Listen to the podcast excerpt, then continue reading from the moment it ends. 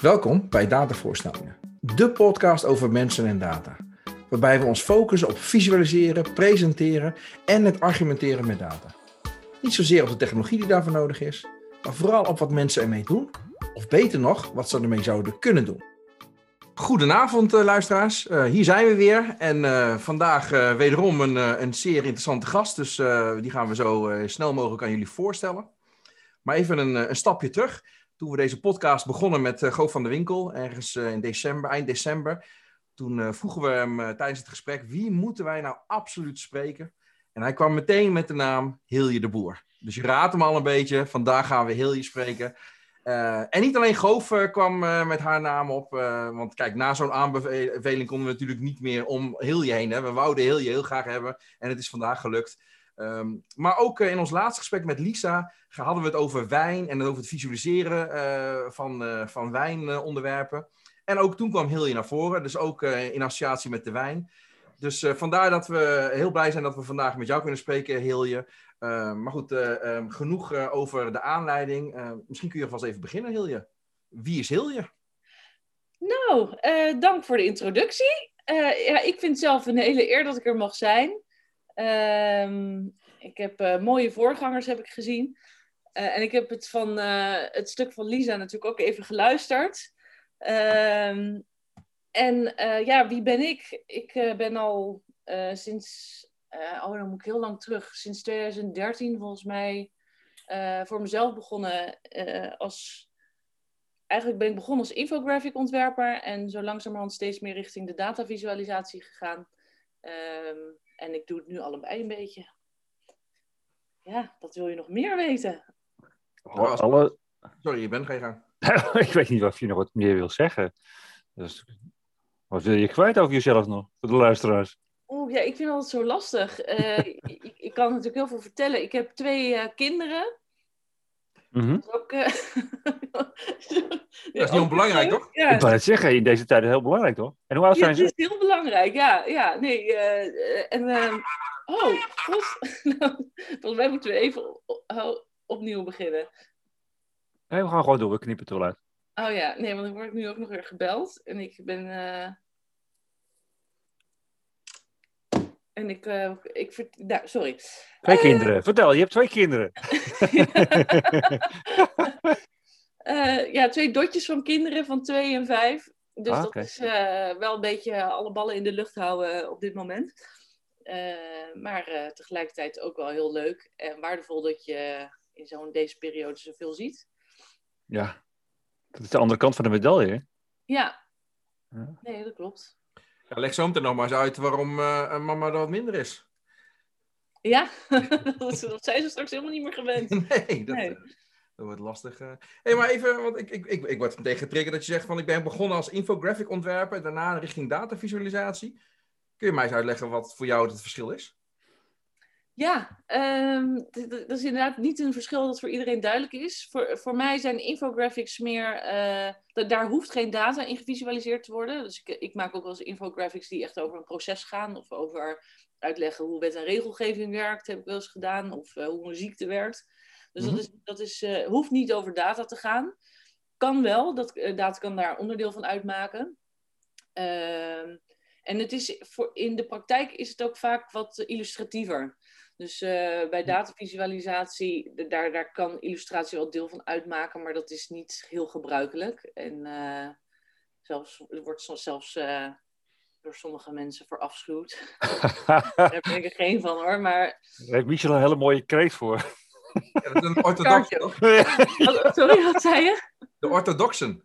Oh, de orthodoxen. Oh ja, dat is van Alberto Cairo, toch? Ja, ja, ja. ja. Ja, in het intro van uh, het boek van, uh, van Nadi staat dat, hè, inderdaad. Ja. Nou, maar het is toch heerlijk om er een naam voor te hebben?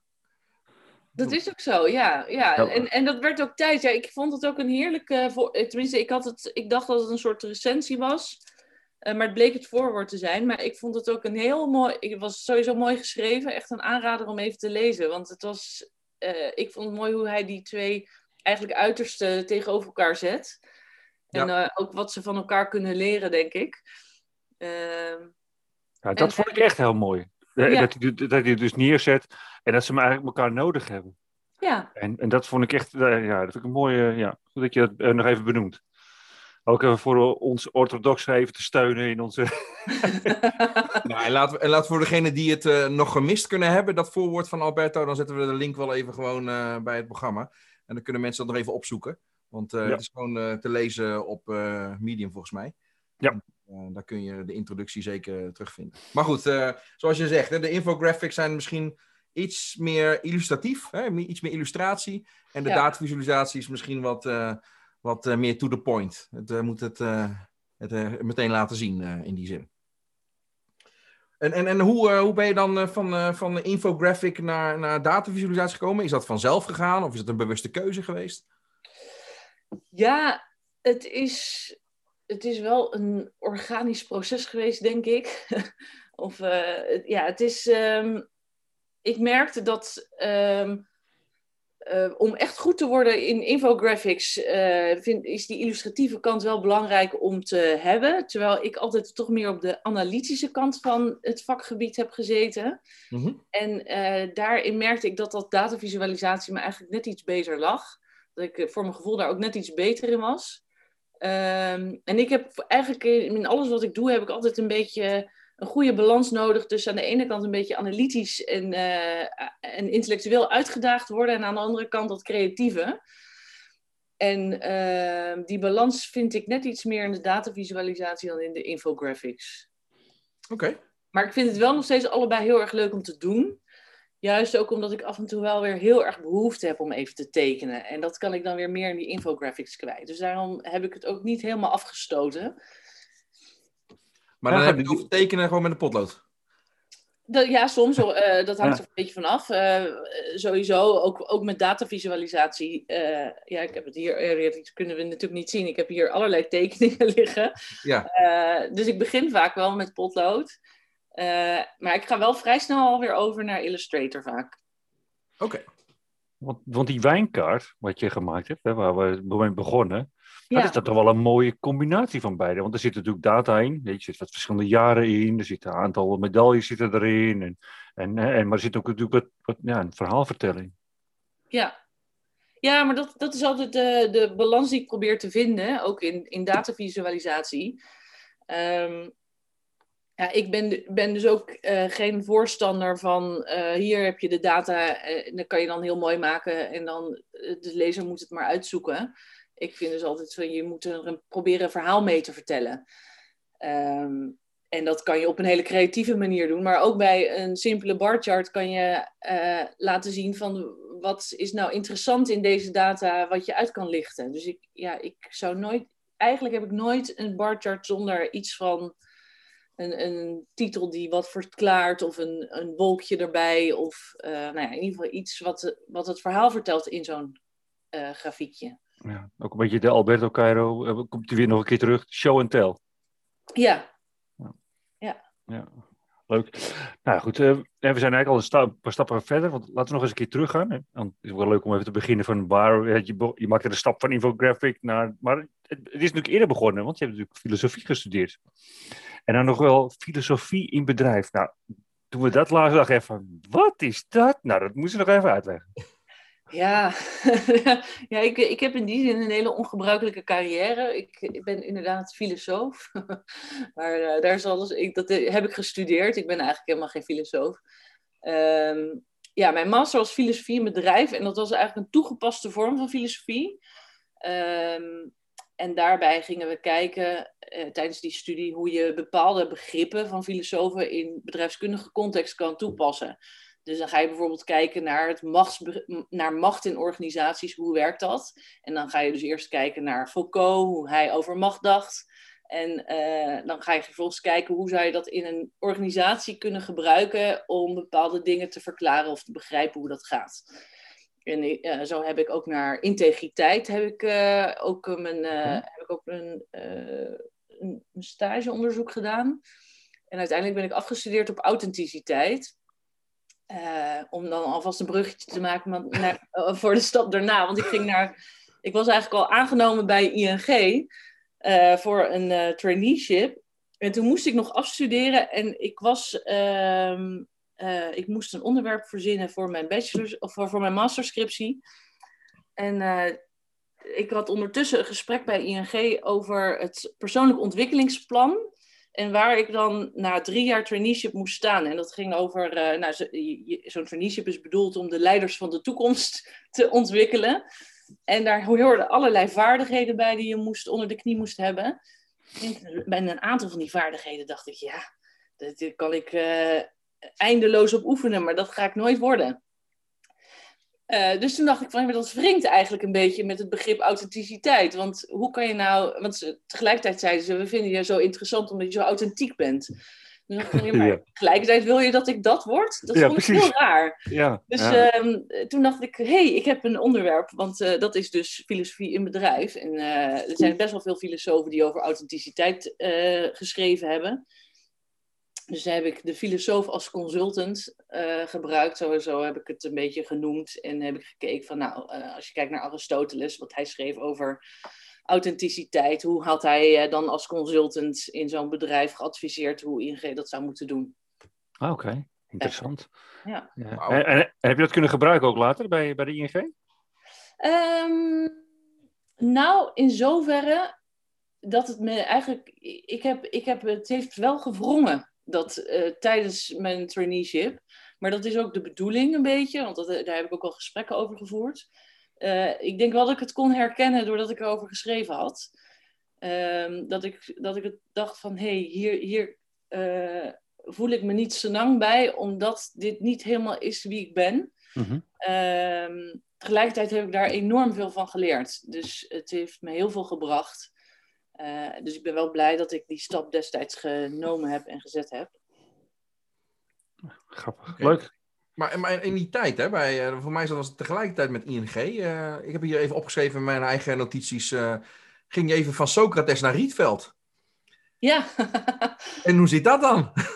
ja, ja, ik heb van die sprongen gemaakt. Ja, ik heb, ik, dat gaat misschien. Dat vinden wij heel, trouwens, heel, dat vinden wij geweldig, die sprongen. ja, dat gaat misschien nog verder terug. Ik heb toen ik een studiekeuze moest doen, heb ik getwijfeld tussen kunstacademie, uh, uh, industrieel ontwerpen, werkdagbouwkunde, filosofie, geneeskunde en Engels, geloof ik. Dat, dat om, even, om even een palet te noemen. ja, even een palet te noemen. En kunstacademie viel vrij snel af, omdat ik dacht, ja, dat is zo'n onzekere toekomst. En dan denk je van, nou, waarom ga je dan filosofie studeren? dat is net zo'n zo gekke studie. Maar uh, ik dacht, dan heb ik in ieder geval een universitaire opleiding. En ik ben toen in Engeland gaan studeren om dat Engelse stukje te doen. Ja, en werkdagbouwkunde en industrieel ontwerpen lijkt me nog steeds geweldig. Uh, maar ja, ik moest een keuze maken. Maar goed, die, die kunstacademie heeft wel altijd zit, ergens in mijn achterhoofd um, gezeten van... Oh, dat was wel heel erg leuk geweest. Dat was wel heel erg leuk geweest. En uh, ik merkte, uh, tijdens mijn studententijd heb ik heel veel geschilderd. En ik heb in een, uh, eigenlijk bij een schilderclub gezeten. Dat klinkt heel suf, maar dat was heel leuk. We hebben allemaal workshops georganiseerd. En ehm, voor studenten. En schilderen met Bob Ross bijvoorbeeld. Nou, dat was oh, ja. superleuk. Um, en heel veel geschilderd altijd. En toen ik um, ging werken, merkte ik dat ik en minder tijd had om, te, om naast mijn werk uh, te schilderen en, en creatief te zijn. En in mijn werk kon ik dat helemaal niet kwijt. Dus toen dacht ik van, ik wil daar toch iets mee met dat creatieve. En dan net iets meer. Dus toen dacht ik, uh, ik ga uh, bij de Rietveld... Um, ja, kon je solliciteren voor een oriëntatiejaar, heette dat. En dat was dan in het weekend. had je dan lessen. Okay. Dat, ja, dus dan um, dat was ter voorbereiding op als je eventueel uh, dan vol daar zou worden, willen studeren. En voor mij was dat meer om een, een beetje een gevoel te krijgen van, uh, nou, hoe, hoe werkt dat dan op zo'n kunstacademie? En dat was heel conceptueel, dus dan moest je echt uh, de structuur van verf leren kennen. En ja, het, het, ging, het was vrij abstract allemaal, maar wel interessant. Oké, okay. okay, maar dat deed je dus in de weekenden naast je voltijdbaan bij de ING? Ja. Wauw, dat klinkt als een heftig jaar. Um, ja, nou ja, ik, ja god. Um, zo voelt het. waren, dat zijn, als je leuke dingen doet, dan voelt dat niet als een heftig jaar, moet ik zeggen. Oké. Okay. Ja. Okay. En, en, toen je, dus, en bij ING, uh, daar zagen wij een functie langskomen. Je, je werd op een gegeven moment teammanager, maar nu komt het van documentary trade. Wat is documentary trade? Ja, dat is de internationale handel. En ehm, als je goederen importeert of exporteert, dan, uh, gaat dat dan heb je vaak documenten die je moet overdragen. En banken hebben daar producten bij, zoals een bankgarantie, dat ken je waarschijnlijk wel. Heb je voor je huis vaak nodig, maar dat gebruiken ze in de internationale handel ook. En letters of credits, misschien ook wel eens van gehoord. Nou, en eigenlijk de, de afdeling waar ik voor werkte, uh, verwerkte dat soort producten die met uh, trade te maken hadden. Dus, oh, op zo'n manier, oké. Ja, dus dan kwam er letter of credit binnen van een klant van ING. En dan moesten zij gaan kijken van, nou, die, die goederen liggen nu in de haven.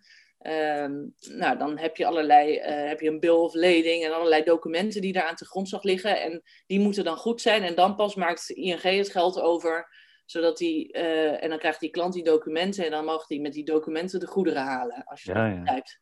Ja, ja, ja, nee. Oké. Ja. Hm. Oké, maar dat ging er dus over, het gaat dus over de documentatie die bij de handel hoorde. Ja. Uh, ik associeerde de term eerder van, oké, okay, is er handel in documenten? Maar, uh, nee, dat, nee. Uh... waardevolle documenten. Ja, ja, ja, ook wel, maar dat was ging hier niet nee. over. Nee, nee oké, okay, dus een beetje een bijproduct. Oké, okay, en dan heb je de ING en dan zien we een keer voorbij komen op Paper Planex, of paper, hoe noem je dat? Paper... Ja, maar dat was een start, mislukte start-up. Daar wil ik het niet oh, meer over hebben. Oh, oh interessant, vertel. nee, dat was, nee, uh, ja, dat was wel heel erg leuk. Ik heb een keer meegedaan aan een hackathon, want het leek me ook zo leuk om eens een keer te proberen. Uh, dus toen ben ik uh, naar, ik weet niet, het was in, oh, het was in, in Rotterdam. Was de, volgens mij de Dutch Open Hackathon, een vrij grote. Mm -hmm. en dan ben ik Klinkt... gewoon gegaan. Wat zeg je? Klinkt groot inderdaad. Dutch ja. Open Hackathon. Dutch Open Hackathon. ja. ja. Er deden hele, hele grote bedrijven aan mee en dan kreeg je een case en dan ging je dan in groepjes aan werken. Okay. Dus ik ben er naartoe gegaan en ik leerde daar een jongen kennen, Orvi. En die, uh, was, ja, die deed uh, geloof ik tien hackathons per jaar. En die was echt zo'n doorgewinterde hackathonner. En die adopteerde mij een beetje. En uh, ik heb met hem, nou ja, en, en een paar anderen hebben wij een eerste concept gemaakt. En uh, ja, we hadden niet gewonnen. Dus eigenlijk hadden we toen al kunnen bedenken dat het gedoemd was te mislukken. Maar wij vonden het zo leuk en we werkten zo leuk samen dat we op een of andere manier hadden bedacht om daar verder mee te gaan. En uh, die had ook wel een talent om uh, voor sales, denk ik. Dus die zorgde ook dat we elke keer weer ergens binnenkwamen. En dan gingen we, ik ben toen op een gegeven moment nog naar een bootcamp geweest in Lissabon, waar we, met, waar we allerlei lessen kregen over uh, hoe je dat financieel moest doen en uh, hoe je moest growth hacken en allerlei dat soort dingen. Ja. Maar dat is wel een interessant idee over hè, hoe je dus op een luchthaven uh, bent. Want dat voor mij was het idee erachter, hè, wat ik een beetje begreep. Dat, wel, dat, je, dat je een luchthavenroutes kan lopen, wel, dat klonk wel interessant. Maar wat was, wat was de gedachte erachter? Want dat, dat heeft voor mij ook wel iets visueels uh, aspect in zich. Ja, het, het, het idee was, um, een van de um, uh, bedrijven die op die Dutch Open Hackathon meedeed, was KLM. En die hadden als, eigenlijk als probleem van, van we hebben uh, op die vliegvelden hebben heel veel data van heel veel uh, mensen die. Uh, nee, was Schiphol trouwens, sorry. Uh, hebben heel veel data van mensen die spullen kopen, maar van een grote groep niet. Dat zijn namelijk de millennials, want die kopen niks. Dus daar missen we allerlei data. En Schiphol is natuurlijk grotendeels afhankelijk van die inkomsten. Mm -hmm. dus het idee was van hoe kunnen we nou die millennials zorgen dat we daar meer informatie over krijgen, eigenlijk, zodat we ze meer kunnen bewegen om dingen te kopen. eigenlijk meer. We hadden eigenlijk een soort loyalty-programma voor de millennial bedacht. Met uh, ja, ook augmented reality erin. Dus dat je met je telefoon uh, allerlei dingen kon uh, um, ja, ontdekken. Is een beetje zoals die, um, hoe noem je dat? Die Pokémons. Dat je allerlei dingen, als je met je telefoon allerlei mm -hmm. dingen kon vinden. Met schatten, zeg maar. Maar ook dat je punten kon krijgen als je iets kocht. En dat je met die punten weer nou ja, als je die punten verzamelde, dan kon je weer allerlei uh, perks en privileges krijgen. Ah ja. Oh. ja. Ik kan het ook niet goed verkopen. Als je Orvi nu had gevraagd, die hadden ze een heel goed verhaal gehad, maar. Uh, oh, ja. Maar het, het kon in de intro wel interessant klinken. Ja. Maar goed, zoals je het hoort, ik vind het leuk om altijd heel veel verschillende dingen te doen. ja, maar helemaal top toch? Ik bedoel, uh, ja. dat is toch het mooie, dat het niet altijd elke keer hetzelfde is. Dus, uh... Nou, en het is ook het grote deel, uh, voordeel van freelancen, merk ik, dat je, uh, dat je ook zelf een beetje kan bepalen hoe je je tijd indeelt. Nou moet ik zeggen dat zo'n groot bedrijf als ING had je dat ook wel een beetje. Dat je, ehm, nou bijvoorbeeld in, in mijn teammanagersrol, vond ik, waren er een aantal dingen die ik heel erg leuk vond om te doen. En dan kan je dat meer naar je toe trekken en andere dingen meer ja, wat laten, zeg maar. Dus... Uh, maar goed, het, het uh, grote nadeel is wel dat je soms een, uh, ja, een echt specialisme mist. Je bedoelt als ja. generalist?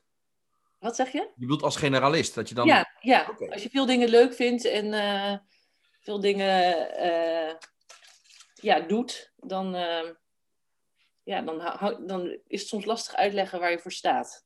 Ja, oké. Okay. Ja, dan zit je me wel aan het denken, want uh, ik herken het wel.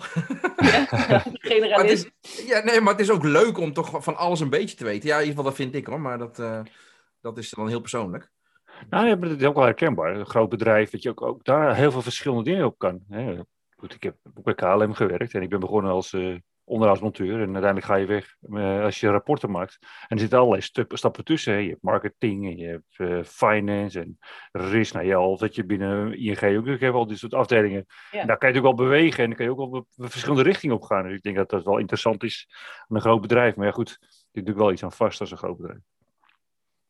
Nee, maar ik kon ook zeker uh, bij ING heb ik, kon ik ook zeker mijn ei kwijt. Ik heb daar hele leuke jaren meegemaakt. Dat is uh, een, een geweldig bedrijf om voor te werken, moet ik zeggen.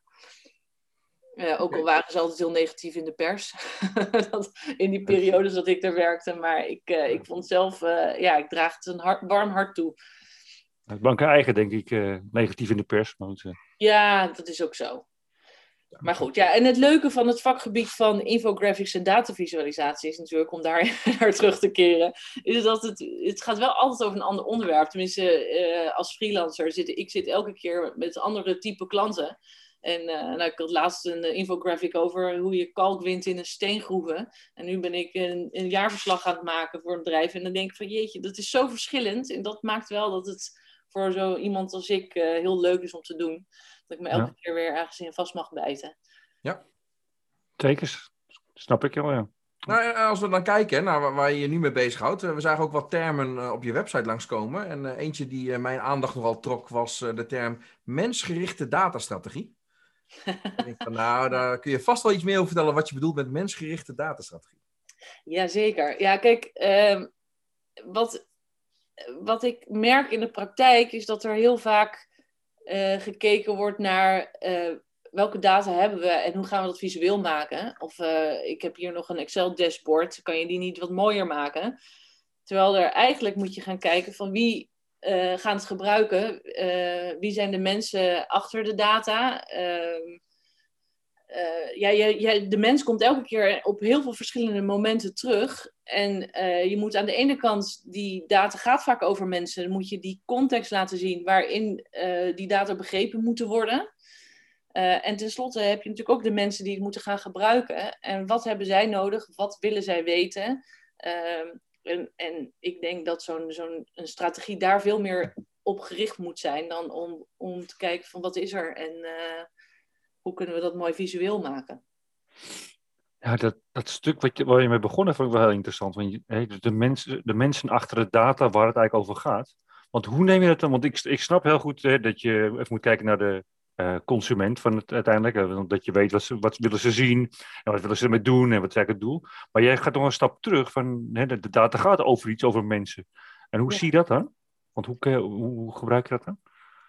Um, nou ja, dat hangt van de data af, want niet alle data gaat over mensen. Maar nee. um, uh, vaak wel. En uh, data wordt op een bepaalde manier gemeten. En sommige data wordt wel en sommige data wordt niet gemeten. Dus daar begint het al.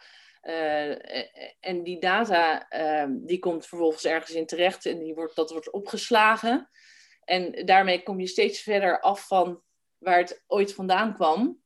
Ehm, en wordt het steeds abstracter, om het maar zo te zeggen. En wat je eigenlijk moet doen op het moment dat die data, dat je daar iets begrijpelijks van maakt, moet je proberen terug te gaan van oké, waar kwamen die data vandaan? Uh, waar ging het over? Uh, en die context moet je eigenlijk weer terughalen om die data te kunnen duiden.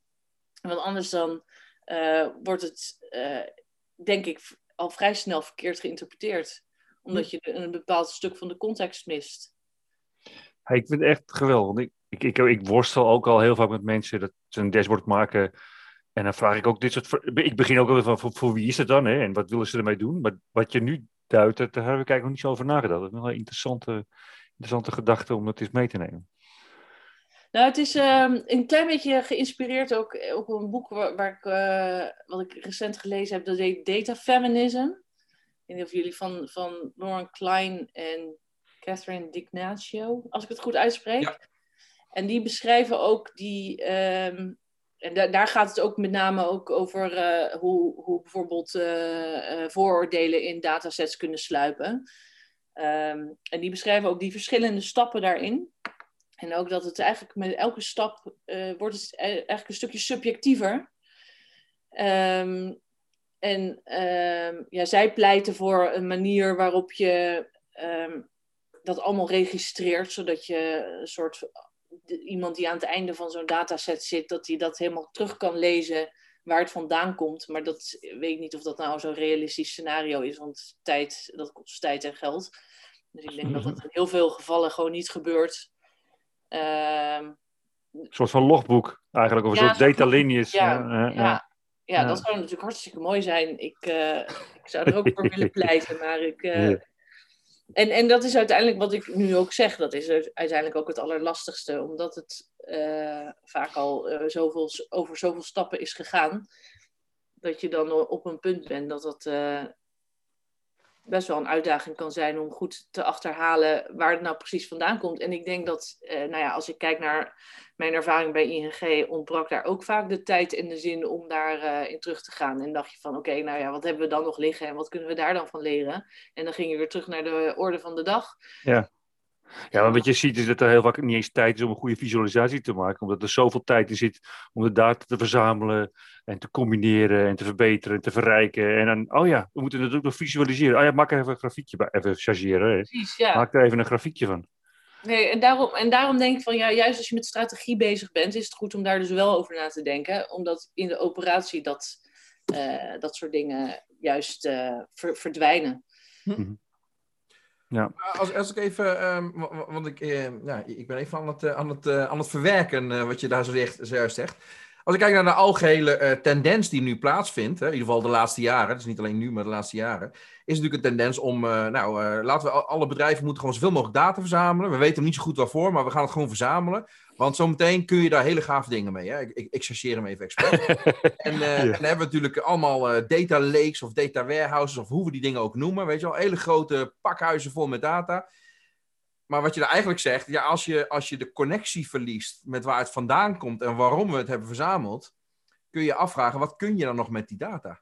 Ja, dat, nou, dat klopt. Dat, uh, bedoel, is, is, is dat dan, uh, mag ik hem zo kort... Uh, ja, ik denk, dat je, ik denk eerlijk gezegd zelf dat je beter heel selectief kan zijn en, en een goed overzicht hebben van wat je dan wel hebt. dan dat je zo'n zo berg met data hebt en, en eigenlijk inderdaad geen idee meer hebt waar het vandaan komt. En ehm, dat is nog een stuk wat in dat boek uh, ook uh, terugkomt, uh, wat ik heel interessant vond, is dat um, wat er ook vaak gedaan wordt, is de data wordt alleen opgeslagen die meetbaar, makkelijk meetbaar is. Maar daarmee mis je vaak ook een stuk wat niet makkelijk meetbaar is. Wat vaak wel heel belangrijk is, omdat het wel er, over die, diezelfde, zeg maar, omdat wel een deel van de werkelijkheid uh, weergeeft. Ja. En dat deel van de werkelijkheid mis je dan. En zij geven daar een aantal voorbeelden van hoe je eigenlijk een soort messy data kan uh, uh, verzamelen. En die zijn dus minder gestructureerd. En soms vergelijk je dan een beetje appels met peren. Maar ze zeggen je liever dat dan dat je maar een tiende van het verhaal vertelt. Ja. Dus dat vind ik ook nog steeds een heel interessant concept. Ik denk van, oh ja, dus ik zou zeggen inderdaad, ga veel meer, veel gerichter data verzamelen. En juist niet uh, eindeloze, en, en zeker ook omdat die, al die opslag steeds meer vraagt van onze energie en uh, daarmee van ons klimaat. Dus ik denk, uh, laten we alsjeblieft met z'n allen wat selectiever zijn, ja. Ja, ja. ja. ja ik, heel je ben je bekend met het werk van Stacey Barr? Nee. Nou, nou, het aparte is dat uh, zij is een groot voorvechter van uh, dat we niet moeten uitgaan van de data die we toevallig al hebben. En dus zij, zij praat heel erg over hoe je performance moet meten van processen. En zegt, ja, weet je, je moet helemaal niet gaan kijken naar wat je al hebt. Je moet gaan kijken van wat wil je bereiken. En vervolgens eerst bepalen wat zouden goede indicatoren zijn dat ik op weg ben. En dan ga je misschien kijken, oké, heb ik het al of moet ik het gaan verzamelen? Want alleen maar gaan varen op de dingen die je toevallig al had, ja, wie zegt dat je dat gaat helpen? Nou, dus het is eigenlijk gewoon een bewustere manier van, hè, dus eerst gaan kijken van wat wil ik bereiken en wat voor een data heb ik daarvoor nodig, in plaats van toevallig heb ik hier wat uh, administratieve data liggen en laat het hier maar naar gebruiken. Ja, en welke inzicht kan ik daaruit halen? Ja, ja. ja. oké, top. Nou ja, dus uh, ik, ik hoor het al, uh, er komt weer een boek bij het lijstje. ja. we, kunnen, we kunnen weer gaan lezen. Uh, ja. heel, weet je misschien niet, maar ik ben helemaal gek van boeken. Dus ik, ik, ik vind het heerlijk om dit soort dingen te verslinden. Dus dat komt Oh ja, nou ik ook. Dus ik, heb hier, ik, ik kijk hierboven op mijn hele databoekenverzameling. En nee, ik, ja, uh, zeker in de tijd dat ik met, met datavisualisatie begon, waren er ook nog niet zoveel cursussen als nu. Dus ik heb uh, vooral heel veel gelezen. Ja, maar, ja, nee, dat is, dat is toch wat, wat zijn interessante boeken dan die je gelezen hebt? Naast wat je net noemde. Heb je nog andere, nog andere toppers in de kast dat je van, nou, die zouden de luisteraars echt even moeten gaan lezen? Mm nou ja, dus data feminism vind ik echt wel een aanrader. Maar dat is meer ook omdat het soms een tikkeltje filosofisch is, wat ik natuurlijk toch. Dan komt hij weer terug, hè? ja, ja. Even kijken, wat heb ik hier staan? Ehm, nou, ik heb heel veel boeken waar gewoon heel veel mooie voorbeelden in staan. Van dat ene congres, hoe heet dat? Ik weet nog hoe jullie dat uitspreekt. Maloviev. Oh, dan moet je aan Michel vragen, die kan het heel goed uit. ja, daar heb ik zo'n boek van, daar, waar dan van. Ik heb het dan uit uh, eh, 2019. En dan staan er allemaal van die mooie inzendingen in. Dat vind ik ook altijd leuk. En dat is ook altijd mooi als je even inspiratie nodig hebt om zo'n mooi boek door te bladeren. Ja, ik heb die History of Information Graphics uh, van Sandra Rentgen. Die mhm. is zo mooi. Dat is gewoon zo'n mooi boek. Alleen al om, om gewoon op je. In de, ja, het is al zo mooi om naar te kijken. Moet je wel een nieuwe kast kopen, hè? Ja. Moet je wel een nieuwe kast kopen. Ja, omdat die zo groot is. Hij is ja. enorm. Even op plank en. Uh... Maar wel een hele gave boek, inderdaad. Ja, en die uh, Art of Statistics had ik gelezen van David Spiegelhalter. nou, jeetje. Uh, uh, ja, dus die vond ik ook wel interessant. Uh, gewoon, ja, omdat het, dat is meer de statistiek. En ik heb geen statistische achtergrond. en dat vind ik soms heel jammer. Want ik denk, als ik echt heel goed was in statistiek, dan, dan zou ik misschien nog net iets meer uit zo'n dataset kunnen halen. Ehm, maar die, die, die uh, schrijft een beetje in, in populair wetenschappelijke uh, woorden, met heel veel voorbeelden, schrijft hij aan elkaar en hoe de statistiek werkt. Oh, top. Dat is een mooie. Ja, dus in plaats van de formules, wat je er eigenlijk mee kunt. Ja, Ja, precies. Dus, dus je weet nog steeds niet hoe je van die rare berekeningen maakt met al die namen. Maar uh, hij vertelt wel hoe het werkt en hoe, waar, waarom dat is ontwikkeld. En dat maakt het veel interessanter, vind ik. Oké. Oké. Okay. Nou, de rest google je wel een keer. Sorry? De rest kan je wel googlen, denk ik altijd. Ja, dat, dat, dat absoluut, absoluut. Ja, of, uh, of gewoon een, een, een rekenwonder inhuren die dat uh, allemaal voor je doet. Hè? Dus dat kan ook ja. wel. Precies. je, je vertelde net over, nou, er was niet zoveel aanbod van trainingen, maar er waren wel heel veel boeken. Dus, dus daarop, nou, we zagen dat jij ook wat, wat trainingen geeft. Hè? En, ehm, en we vonden één hoofdstuk in je trainingen wel heel erg boeiend. Misleiden met grafieken. Dus wij dachten van, eh, je kunt ons vast nog wel wat eh, tips geven over hoe we kunnen misleiden met grafieken. ja. Nee, dat is een uh, hele goeie. Ja, nee, dat is een beetje zo'n basiscursus over dat, je niet, niet bij, dat je een barchart bij nul moet beginnen. Ehm, ja, dat, dat is... ik, ik geef gastcolleges bij Saxion. In hier, ik woon in Enschede. Mhm. En uh, daar, daar eh, behandel ik altijd. En het is zo leuk om. Je hebt zoveel van die mooie voorbeelden. En, en zelfs de meest gerenommeerde nieuwsmedia hebben wel eens een misser. En uh, die verzamel ik dan ook. Uh, ik, ik, ben die maakt ook wel eens mooie makeovers ervan. Die, ja, dat geloof ik laatst een van Nieuwsuur. Wat was het Nieuwsuur? Ja, dat, dat was Michel, ja. Michel had van Nieuwsuur van die, die, oh, donut. Oh, ja, oh, dat had Michel. Uh, Oké, nou in ieder geval, die heb ik ook gelijk weer uh, gecopy-paste voor mijn colleges. Heel goed. uh, Kijk, zo ja, hoort het. Ja, nee, ja. dus dat is, ja, dat is gewoon de, de basisregels. Ja. Die je, vervolgens, die je vervolgens moet breken. Ja, dus, ja, dus eigenlijk, eigenlijk dus wel beginnen met de orthodoxe stijl en uiteindelijk breken. Dat is eigenlijk wat je wil... Uh... Ja, ik denk als je het wil leren, is het wel goed om te weten van welke regels zijn er ooit verzonnen. Dan weet je een beetje de basics. En dan vanuit daar kan je gaan uh, uitproberen hoe je dat een beetje kan uh, ja, uh, doorbreken. Ja, dus eigenlijk al weer een beetje terugkomen op waar we begonnen met het stukje van Alberto Cairo, die dit eigenlijk ook predikt. Hè. Weet wat de regels zijn en gaat vanuit daar ontdekken en onderzoeken wat, wat de mogelijkheid is en zoek je eigen stijl. Ja. ja. Nee, ja, dat boek van Alberto Cairo, hoe, hoe heet dat ook weer? How Child Lie? Nee, die andere. Functional Arts? Ja, de Functional Arts. Ja, die, mhm. dat was een van de eerste boeken die ik las. Dus daar ben ik ook erg door beïnvloed. Dus dat ik af en toe wat uh, opmerkingen heb die in zijn straatje passen, dat is niet, uh, niet gek. Nee, nee. Oké, grappig. Hey, en wie zijn nou, als je, nou kijk, je noemt net wat boeken, maar als je kijkt gewoon in het veld van visualiseren of infographics, maakt niet, maakt niet zo uit. Wie zijn nou jouw voorbeelden of, of, wie brengen nou echt mooi data of goed uh, data tot leven in, jou, uh, in jouw opinie? Hmm. Ja, ik, ik, ik uh, zat, zat uh, vorige week naar Lisa te luisteren. En die had natuurlijk dat rijtje, wat, wat, ik, wat ik ook het eerste in mijn hoofd opkom. Met uh, die, die heeft natuurlijk altijd hele mooie, mooie dingen.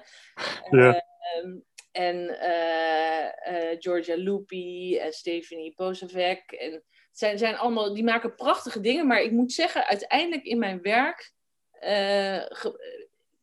kan ik daar zelf niet zoveel mee. Dus als ik echt denk, kijk van uh, waar haal ik nou inspiratie vandaan, uh, dan is dat, is dat denk ik toch meer uh, mensen die iets meer in de zakelijke context ook werken. Mm-hmm. Dus dat je iets meer van die, van die deze art zeg maar, dus iets functioneler. En dan kijk ik vaak gewoon op Pinterest en dan kom je van alles tegen. En dus dan, dan is er niet één voorbeeld ik vind bijvoorbeeld wel qua infographics vind ik het werk van Karin Swant altijd fantastisch. En uh, Studio Lakmoes, die hebben altijd mhm. hele mooie dingen. Dus dat zijn dingen, maar dat is dan meer ook de illustratieve, dat illustratieve stuk. Ik vind um, uh, Sonja uh, van Studio ja, Kerp altijd geweldig. Die zit wel meer op die datavisualisatie en die maakt zulke mooie dingen. Maar die zijn vaak ook nog wel heel functioneel. En dat, ja, dat vind ik ook wel mooi werk altijd. Oké, nou, leuk om te horen. Ja. En ik probeer zelf juist ook altijd inspiratie buiten het vakgebied te halen. Want ik denk dat dat ook juist leuk is om uh, vanuit andere vakgebieden uh, uh, iets te leren en iets mee te brengen. Oh, heb je een leuk voorbeeld hè? nou ja, ik zit, ik, ik, zit nu even te denken. Van, vandaag heb ik een. Maar dat was een illustratie gemaakt. En ehm, dat kwam van, het idee kwam van een tekening die mijn moeder ooit een keer had gemaakt toen zij in de puberteit zat. En die heeft ze bewaard. En die vond ik altijd zo mooi als kind. En uh, toen dacht ik, hé, hey, die kan ik gebruiken, want het, het was een onderwerp over diversiteit, gaat over diversiteit. En het waren eigenlijk drie poppetjes die soort van in elkaar, in elkaar verstrengeld zitten. En toen dacht ik, hé, hey, dat ga ik gebruiken. Maar ja, dat is dan wel een beetje hetzelfde vakgebied misschien. Maar dat was gewoon een tekening van mijn moeder. Um, ja, gewoon uh, als ik door de natuur loop, heb ik soms. Uh, de natuur, dat klinkt hier in Enschede, heb je heel veel natuur. en mensen in Amsterdam misschien niet gewend. Maar uh, gewoon de kleuren of de vogels. Of, ehm, ja, dat kan, kan me soms ook inspireren. Dat je, dat je een bepaalde kleur ziet en dan denkt van: oh ja, ik, ik heb een een infographic of een, een datavisualisatie over een bepaald onderwerp. Misschien moet ik meer in de natuur zoeken of zo. Ja, ik weet niet. Mm -hmm. een, beetje, een beetje voorbeelden misschien. Nee, nou goed. Ik kan me ja. voorstellen. Ja. Oké. Okay. Uh, leuk. Michel? Ja, nee, ik, uh, ik vroeg me even af of er nog iets is uh, wat, je, wat je had willen bespreken wat niet besproken is. Had je dan, oké, okay, dit gaan ze zeker vragen en dat hebben we niet gevraagd. Nou, als jij het niet weet, heb ik nog één vraag. uh, hoe gaat het met Alfie? Alfie? hoe weet je dat? ja, ja, ja, ja, ja, ja. We mogen onze bronnen niet ontsluiten. Hè? Dat, uh, daar mogen we niks over vertellen. Maar uh, hoe is het met Alfie? Okay, ja. Nee, Elfie, ja, dat is mijn hond. Dat gaat goed. Die, ja, die is nog steeds heel lief, maar die loopt af en toe weg. Oh. Uh, ja, ik weet ook niet waarom dat, waarom dat relevant is voor nu. Maar uh, ja, nee, het gaat hartstikke goed met Elfie. Oké, okay, want, want uh, Elfie is een kruising, toch? Of nee? Ah, ik denk al, jullie hebben dat waarschijnlijk op Facebook gezien. Outcross Nest, ja. Die, het is een, um, het is wel, het is een Ierse setter. En, maar daar heb je een rode van, die kennen de meeste mensen wel. Maar je hebt ook een witrode. Dus die eigenlijk rood-wit heet officieel, maar die is wit met rode vlekken.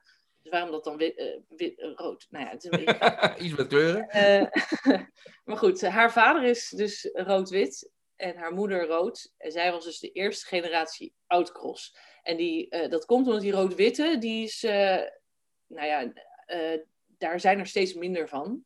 Mm -hmm. Ze zijn met zo'n outcrossnest begonnen om te zorgen dat dat, ehm, ja, als je die, als je die nu met degene die er nu nog zijn zou gaan fokken, dan zou er te veel uh, overlap zijn in uh, die stambomen. Ja. Ah, ja. En alles goed gegaan met die, eh, met die kruising? Ja. ja, ze heeft zelf dus ook een nestje gehad. Ja. Daarom, daarom, dat stond op Facebook. Ja. Wij moesten van die puppies af. Wij moesten... dat is tegenwoordig geen moeite meer, toch? Puppies afkomen. Ik wou zeggen. Aanslepen. Ja, het was, maar het was vlak voor de lockdown. En uh, uh, mijn, mijn schoonouders deden dat uh, nestje. En die werden helemaal zenuwachtig. Nou, A, omdat ze geen corona wilden krijgen. En B, dat ze dacht, bang waren dat straks... die, die eerste, was, ging voor, was die eerste lockdown. Ze dachten, straks kan niemand die hond ophalen. Zitten wij daar met zes ja. van die puppies thuis. maar dat is allemaal goed gegaan. Die hebben allemaal een liefdevol nest. Kijk, kijk, kijk. Helemaal goed. Helemaal goed. Nou ja, dan, uh, dan uh, uh, rest mij niks anders dan je heel erg te bedanken voor dit gesprek. Ja, um, um, zoals, we hebben volgens mij van alles langs horen komen. van, ja, wel, in zekere zin. Ik denk van, oké, okay, dus was niet heel veel over datavisualisatie. Maar... Nee, nee, maar dat is, die reactie horen we vaker. Maar um, een van de dingen die wij, waarom we dit, dit soort gesprekken graag voeren, is dat we ook wel meer willen weten over de mensen achter de visualisaties.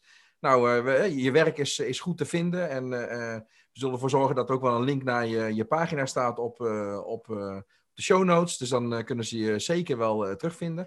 Maar het is ook wel lekker om, of heel prettig om te weten wie, nou, wie is nou Hilje. En nou goed, top. Ik, ik, vind, ik vind het heel leuk dat je, dat je er vandaag bij was. En dat we het over hebben kunnen hebben. En zo zie je maar, hè, dat van filosofie naar datavisualisatie is toch maar een hele kleine stap. Ja. Had je waarschijnlijk zelf ook niet bedacht. Nee, een nieuw vak, hè, datafilosofatie. Heel kijk, dat bedoel ik. Nou, er is een hele mooie datavisualisatie over filosofie. Uh, die heb ik ooit gevonden, dat is een interactieve.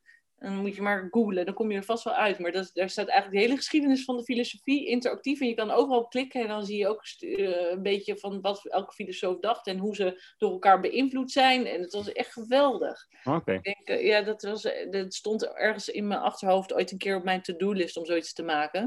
Want ik dacht, ja, ik, ik heb die kennis over de filosofie en ik heb kennis over datavisualisatie, mooie. Maar toen werd, was het al gedaan. Nou ja, zoals heel vaak dingen, hè. Precies, precies. Nou, nou, dan gaan we zeker even opzoeken dan. Ja. Nou, dankjewel. En, uh, nou ja, en hopen dat we elkaar weer uh, uh, snel weer in real life kunnen ontmoeten. Want daar draait het eigenlijk om. Hè. Het is ook het leukste om dit soort gesprekken ook face-to-face -face te houden. Dus bedankt voor, je, voor, je, voor het gesprek. Ja, en hopelijk tot gauw.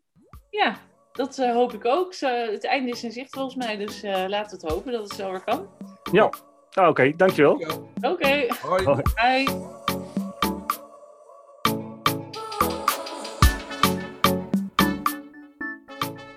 Bedankt voor het luisteren naar deze aflevering van Datavoorstellingen. Als je het interessant vond, abonneer je dan op onze podcast. Dan blijf je altijd op de hoogte als er weer een nieuwe aflevering online staat. Heb je vragen of suggesties?